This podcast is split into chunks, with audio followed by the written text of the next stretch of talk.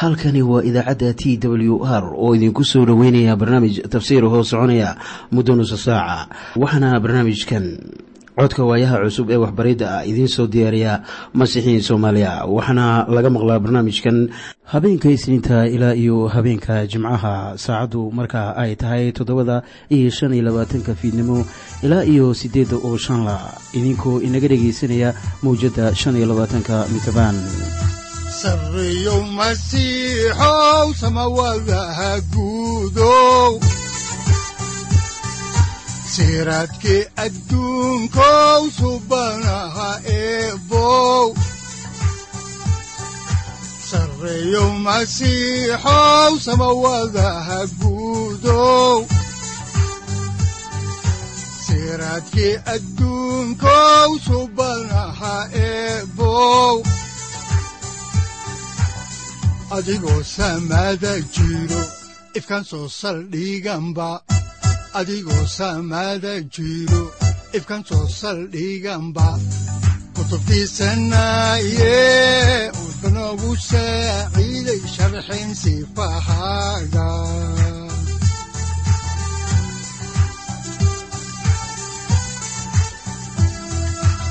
kutubtiisinaayo ebanagu saaciid sharxin sifahaaga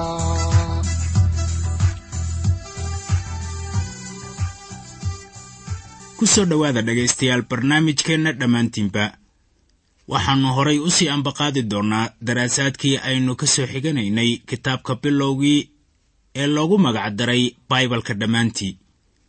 Waxaannu caawa idiin sii wadi doonnaa cutubka toddobaad oo aannu uga gudbi doonno kan siddeedaad balse cutubkii toddobaad wuxuu ka koobnaa kow nuux qoyskiisii iyo xayawaankii oo doonnida la soo geliyey. Labo baabi'inta wixii jir lahaa. Saddex iyo badbaadada kuwii doonta saarnaa.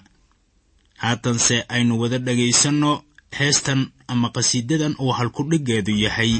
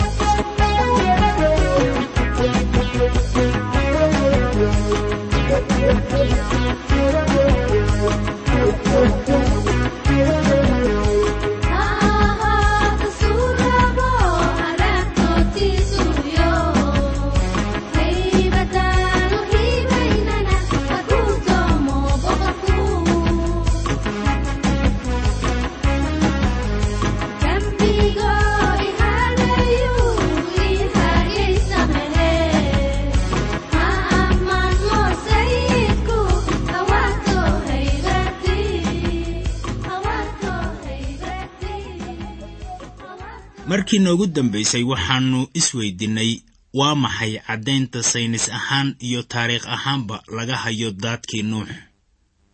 Waxaanan idiin sheegnay inay jiraan laba nin oo buug ka qoray xaalka ku saabsan daadkii nuux.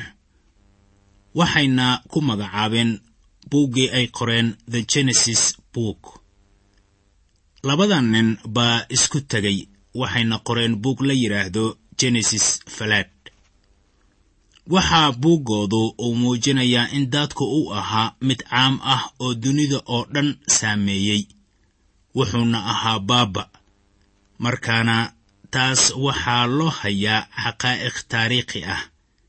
Waxaa kaloo buugga uu ka jawaabayaa doodaha macquulka ah ee ah in marinada jira ee u shaqeeya isku si sida maantaba ay tahay ayaa ku filan in meesha lagu daro isbeddelka qaabka dhulka. Taas ayaa ah masalo dhowr ah oo kala duwan si meesha looga saaro xaqaa'iqa ah daadkii caamka ahaa ee dhulka ku habsaday.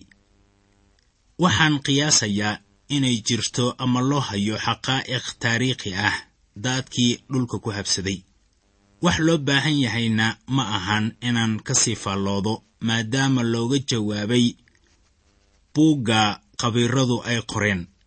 Haddaan ku soo laabanno kitaabka bilowgii cutubka toddobaad aayadda saddex iyo labaatanaad ayaa waxaa qoran waxaa la wada baabi'iyey wixii dhulka dushiisa ku noolaa oo dhan xataa dadkii iyo xoolihii iyo haaddii cirka.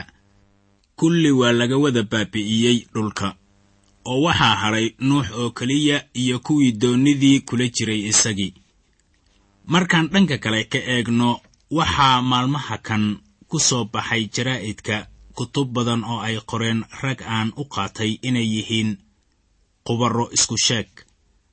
Waxay aaminsan yihiin in daadku hal meel uu ka dhacay taasoo ay leeyihiin waxaa daadku uu ku koobnaa dooxada tigris iyo yufratis haddaan si kale u fasiro waxay leeyihiin wuxuu la mid ahaa sida barkad biyo ay ka buuxaan.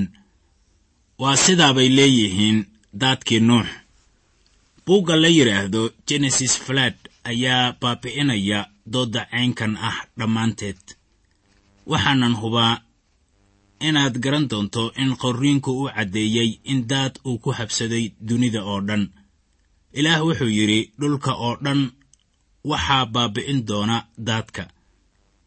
Wuxuuna ilaah nuux ku yidhi sida ku qoran cutubka lixaad aayadda saddex iyo tobanaad. Intii jir leh oo dhan dhammaadkoodii aan dhammayn lahaa ayaa gaaray waayo dhulkii waxaa ka buuxsamay dulmi iyaga ka yimid oo bal eeg iyagaan dhulka la baabi'in doonaa dadku waxay markaasi soo gaareen waqooyiga ameerika oo xayawaankiina halkaa way joogeen mana jiro cid dood ka keeni karta qodobkaas marnaba. Laakiin haddii aad tidhaahdo daadku caam ma ahayn. Dee waxaad leedahay qof baa weheliyey nuux oo isna bilow u ahaa taranka bini'aadinka mar kale. Taasuna ma ahan waxa hadallada ilaah ay inoo sheegayaan. Haddaba sidaan arkayo haddaad taas rumaysan tahay hal meel baad isku ekaysay sidaan arkayo waa inaad haddaba aqbasho hadallada ilaah amase aad diiddo waxa hadalladu ay farayaan. Aniga aragtidayda inaad isku tijaabiso inaad abuurto daad meel ku kooban oo ku qaas ah wuxuu keenayaa wakhti dambe inaad diiddo hadallada ilaah. Qorniinkuna wuxuu caddeeyey in daadku uu caam ahaa sidaan ka akhrinay cutubka toddobaad aayadda saddex iyo labaatanaad oo leh qayb ahaan kulli waa laga baabi'iyey dhulka oo waxaa hadhay nuux oo keliya iyo kuwii doonnida kula jiray isagii.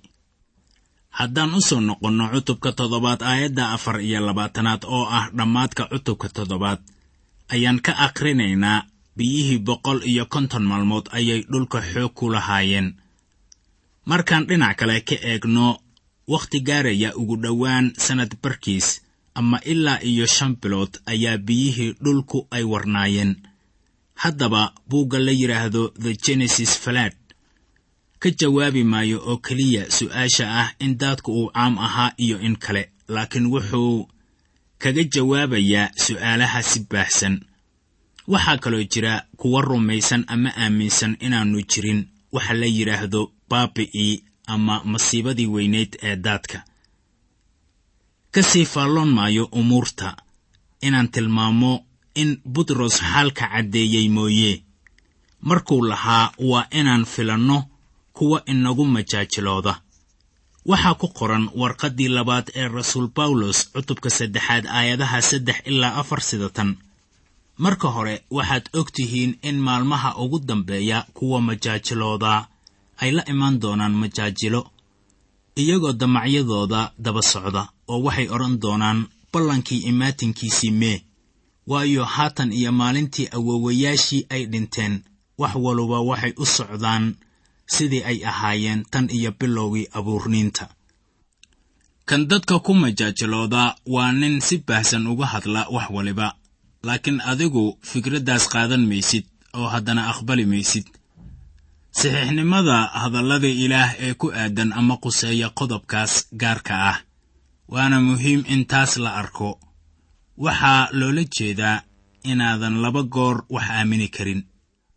Haatanna waxaannu guda gelaynaa cutubka siddeedaad mawduucyada uu ka kooban yahay cutubkan siddeedaad waxa weeye kow nuux oo ka degaya doonnidii labo nuux oo dhisaya meel allabari oo weliba qurbaan bixinaya haddaannu si ambaqaadno waxbariddeenii baibalka oo aannu ka soo xiganayno kitaabka bilowgii ayaa haatan aan bilaabaynaa inaan idin akhrinno wixii ku dhacay dadkii doonnida ku haray markii roobka uu istaagay.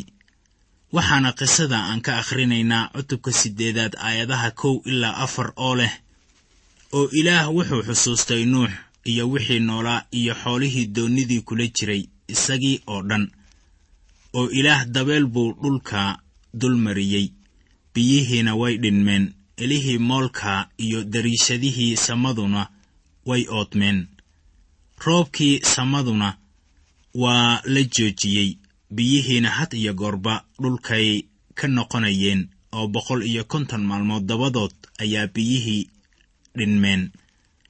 Oo bishii toddobaad maalinteedii toddoba iyo tobnaad ayay doonnidii ku fadhiisatay buuraha araarad waxaa layna siiyey taariikhda qoran ma ahan oo keliya sidii daadku uu ku yimid laakiin waxaa kaloo layna siiyey xaalkan haatan taagan iyo biyihii daadka oo sii yaraanaya. Waxaa laynoo sheegay in ilaah uu xusuustay nuux war maxay taasu wanaagsan tahay? Oo waxaa la qoray ilaah dabeel buu dhulka dul mariyey biyihiina way dhinmeen ha yeeshee habeen qura taasu ma dhicin. Biyuhu waxay soconayeen boqol iyo konton maalmood. Waxayna dhinmayeen ilaa iyo laba boqol iyo lixdan iyo kow maalmood. Waxay taasu iila muuqataa sida in daadkaasu uu ahaa wax khayrulcaadi ah. Haddaan dib ugu noqonno kitaabka bilowgii cutubka siddeedaad aayadaha shan ilaa lix ayaa waxaa qoran. Biyihiina way sii dhinmayeen ilaa bishii tobnaad. Bishii tobnaad maalinteedii koowaad ayaa buuraha dushooda la arkay waxaana dhacday in afartan maalmood dabadood nuux furay dariishadii doonnidii uu sameeyey. Waxaannu aan odhan karnaa tanu waa bilowgii dhammaadka daadka haddaba waxaad eegtaa wixii nuux uu sameeyey sida ku qoran cutubka siddeedaad aayadaha toddoba ilaa siddeed. Waxaana qoran sida tan. Oo wuxuu dibadda u diray tuke hor iyo dib buuna u duulayey ilaa intay biyihii ka angegeen dhulka dushiisa. Dabadeedna wuxuu diray qooley si uu u ogaado bal in biyihii dhulka dushiisa ay ka yaraadeen iyo in kale. Markaynu daacad u hadlayno nuux wuxuu noqday shimbiro eege. Wuxuu diray labadan shimbirood duke iyo qooley aynu haddaba horay u sii ambaqaadno qorniinka oo aan eegno markanna cutubka siddeedaad aayadaha sagaal ilaa laba iyo toban oo leh laakiin qoolleydii meel ay cagta dhigto ayay weyday. Kolkaasay nuux xaggiisii ku soo noqotay iyo xaggii doonnidii maxaa yeelay biyihiibaa dhulka oo dhan dul joogay. Kolkaasuu gacanta dibadda u bixiyey uu soo qabtay iyadii uu soo geliyey doonnidii kolkaasuu toddoba maalmood oo kale sugay markaasuu mar kale qoolaydii doonnidii ka diray. Qoollaydiina waxay isagii ku soo noqotay fiidkii oo afkana waxay ku wadatay caleen saytuun oo qoyan. Kolkaasuu nuux ogaaday in biyihii dhulka ay ka yaraadeen kolkaasuu toddoba maalmood oo kale sugay. Dabadeedna qoolaydii buu diray iyadiina mar dambe kuma ay soo noqon. Waxaan doonayaa inaad garato in halkan laynoogu sheegay run rabbaani ah oo ku qoran cutubka siddeedaad qisada tukaha iyo qooleyda kadib markii nuux wakhti dheer oo gaaraya ilaa iyo hal sano uu ku jiray doonnida wuxuu diray tuke. Tukihiina sooma noqon. Laakiin qoolaydii way soo noqnoqonaysay oo weliba waxay u keentay caleen qoyan oo saytuun. Garan maayo haddaba. Waxay qoollayda iyo caleenta saytuun ay had iyo goor calaamad ugu yihiin nabadda. Laakiin waa astaan nabadeed. Si fudud u arki kari maayo intaasu ay tahay farriintii ay keentay qoollaydu markii ay kol labaad dib nuux ugu soo noqotay. Laakiin markii qoollaydu ay soo noqon weyday ayaa taasu ay ahayd calaamadda ah in xukunkii ilaah uu dhammaaday oo dhulkiina ay nabaddii ku soo noqotay. Laakiin dabcan ninkii doonnida ka degayey wuxuu la mid ahaa wiilashii kale aadan kuwaasoo horraan keenay xukunka daadka ee ilaah ka yimid. Waxaad arki doontaa inaanay jirin horumar badan oo dadku ay sameeyeen kadib daadkii. Xaqiiqadii ma jirin wax horumar ah haba yaraatee waxaa haddaba halkan jira cashar rabbaani ah oo sinaba aanan doonayn inaad ka wareerto. Nuux wuxuu ku jiray shimbiro eegis. Wuxuu diray tuke tukihiina sooma noqon. Muxuu tukahaasi u soo noqon waayey? Waa inaad ogaato waxa tukuhu uu cuno. Tukuhu wuxuu cunaa bakhtiga. Waxaa haddaba jiray meydad iyo xoolo bakhtiyey oo dul sabaynayay biyaha kadib daadkii badnaa waana sheeyada waxa tukahan gaboobay uu cunayey. Ma uusan doonayn inuu dib ugu noqdo doonnida waayo wuxuuba ku jiray dabaaldeg oo wakhti wanaagsan buu haystay. Haddaba waxaa lagu tilmaamaa tukuhu inuu yahay haadda aan daahirka ahayn. Haddaba qoollaydu waa shimbiraha daahirka ah oo kol dambe ayaa laynoogu sheegi doonaa kitaabka ama lagu soo qori doonaa inay ka mid tahay haadda daahirka ah. Waxaad xusuusataa in nuux uu soo geliyey doonnida xayawaanka daahirka ah iyo kuwa aan daahirka ahayn. Qoolaydii waxay keentay warbixin. Waxay ahayd qoollayda guryaha oo caadiga ah. Safarkii labaad ee qoollayda ayaa nuux lagu tilmaami karay inuu noqday shimbire eeg oo qoollaydiina waxay keentay caddayn ah in dhulkii biyuhu ay ka sii yaraanayeen oo geedihiina ay muuqanayeen. Markii saddexaad qoolaydii sooma noqon nuuxna wuxuu gartay in biyihii xukunka ama ciqaabta ahaa ay dhammaadeen. Waxaan horay u idhi runta weyn ee ku jirta baibalka waxaa xididkoodu uu ku aasan yahay kitaabkan bilowgii baibalku wuxuu baraa rumaystayaasha inay leeyihiin laba dabeecadood dabeecad hore iyo dabeecad cusub. Waxaana taasi ka hadlay rasuul bawlos sida ku qoran warqaddii labaad ee korintos cutubka shanaad aayadda toddoba iyo tobanaad waxaana qoran sidaas daraaddeed haddii qof masiix ku jiro waa abuur cusub oo waxyaalihii hore way idlaadeen bal eega wax waliba way cusboonaadeene xayawaankii daahirka ahaa iyo kuwii aan daahirka ahayn way wada joogeen. Adiga iyo aniga rumaystayaasha ah waxaynu leenahay laba dabeecadood. Warqaddii rasuul bawlos uu u qoray dadkii rooma cutubka toddobaad aayadda siddeed iyo tobanaad wuxuu yidhi sida tan waayo waan ogahay inaan wax wanaagsanu igu dhex jirin. Taas waxaan ula jeedaa jidhkayga wax wanaagsanu kuma jiraan waayo waan ku tala jiraa inaan wax wanaagsan sameeyo laakiin ma sameeyo. Bawlos wuxuu ka hadlay loolan u dhexeeya laba dabeecadood. Waxaa haatanna weli taagan loolankaas u dhexeeya dabeecadihii hore iyo tan cusub ee rumaystaha balse aynu haatan eegno maaddada ah dhulkii wuu qallalay oo nuux doonnidiibuu ka soo degay aynu dib ugu noqonno cutubka siddeedaad ee kitaabka bilowgii oo aynu eegno aayadda saddex iyo tobanaad waxaana qoran oo waxaana dhacday sannadii lix boqol iyo koowaad bishii koowaad maalinteedii koowaad inay biyihii dhulka ka engegeen. Nuuxna daboolkiibuu doonnidii ka qaaday wuuna fiiriyey oo bal eeg dhulka dushiisu way engegnayd. Markii la xisaabo waxay noqonaysaa in nuux doonnida uu ku jiray laba boqol iyo kow iyo lixdan maalmood. Markaana isku darka maalmihii daadku wuxuu ahaa saddex boqol iyo toddobaatan iyo kow maalmood. Waxayna dhaafsiisan tahay sannad waxaa kaloo taasu ayiidsan tahay qidcada qorniinka ee leh daadku wuxuu ahaa mid caam ah ma ahayn biyo ku eg hal meel. Hubaal ahaan biyuhu hal meel kuma ekayn.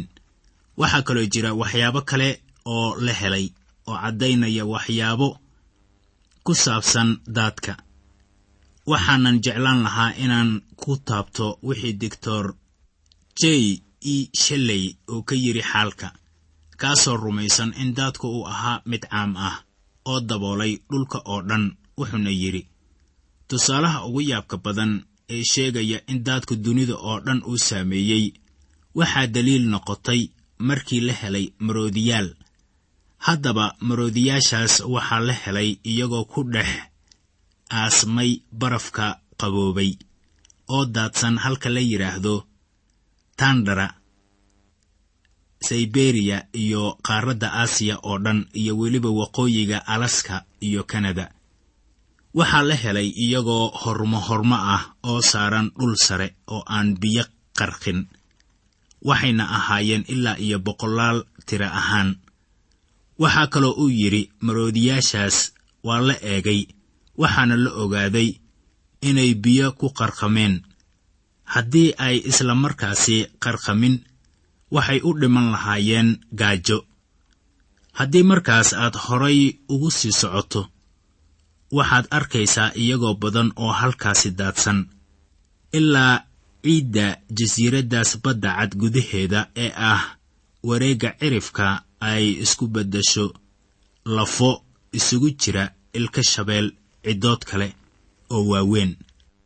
Weerka boholaha gala dibidibideed iyo geeda waaweyn oo ciidda ka soo ruqay xididadooda haatanna deegaankaas kuma yaalliin wax dhir iyo geeda ah. Geedaha ugu dhow waxay u jiraan ilaa iyo kumanaan mayl haddii aad ka shakisan tahay in daadku uu saameeyey dunida oo dhan waxaa halkan yaalla caddayn kugu filan inaad ku qanacdid. Haddaba aynu daraasaadkeenna ku soo gunaanadna haatan cutubka siddeedaad aayadaha siddeed iyo toban ilaa sagaal iyo toban ee isla cutubka siddeedaad waxaana qoran nuuxna wuu baxay isagii iyo wiilashiisii iyo naagtiisii iyo naagihii wiilashiisa ee la jirayba dugaag kasta iyo wax kasta oo gurguurta iyo haad kasta iyo wax alla wixii dhulka ku dhaqdhaqaaqaba. Jinsigoodii ayay doonnidii kala soo baxeen inta aynaan haddaba hawada ka bixin aynu ku nasanno qhasiidadan alla ammaanka ah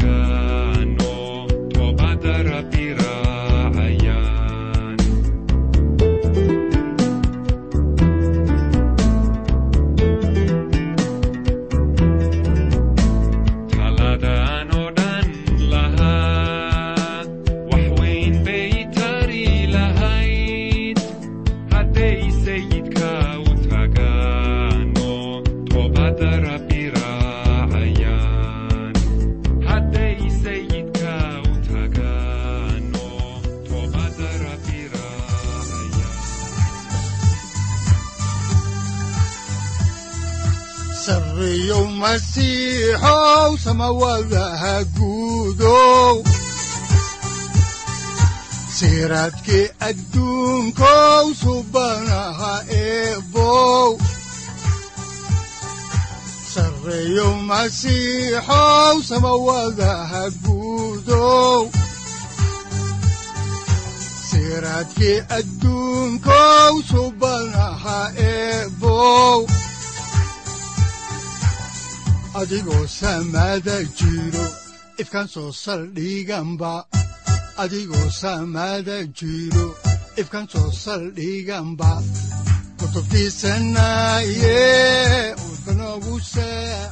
halkani waa t w r idaacadda t w r oo idinku leh ilaa ha idin barakeeyo oo ha idinku anfaco wixii aad caawi ka maqasheen barnaamijka waxaa barnaamijkan oo kalaa aad ka maqli doontaan habeen dambe hadahan oo kale haddiise aad doonaysaan in aad fikirkiina ka dhiibataan wixii aad caawi maqasheen ayaad nagala soo xiriiri kartaan som t w r at t w r c o k e waxaad kaloo iimailada inoogu soo diri kartaan dhegaystayaal cinwaanka yahu-ga oo ah somali t w r at yahu com aaduu u fududyahayaa somali t w r at yahu com.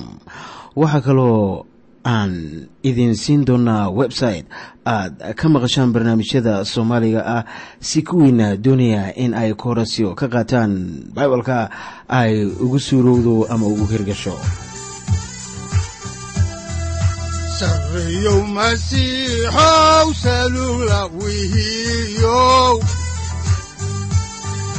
saacadda timid dhulka sabada ku dhalatiyo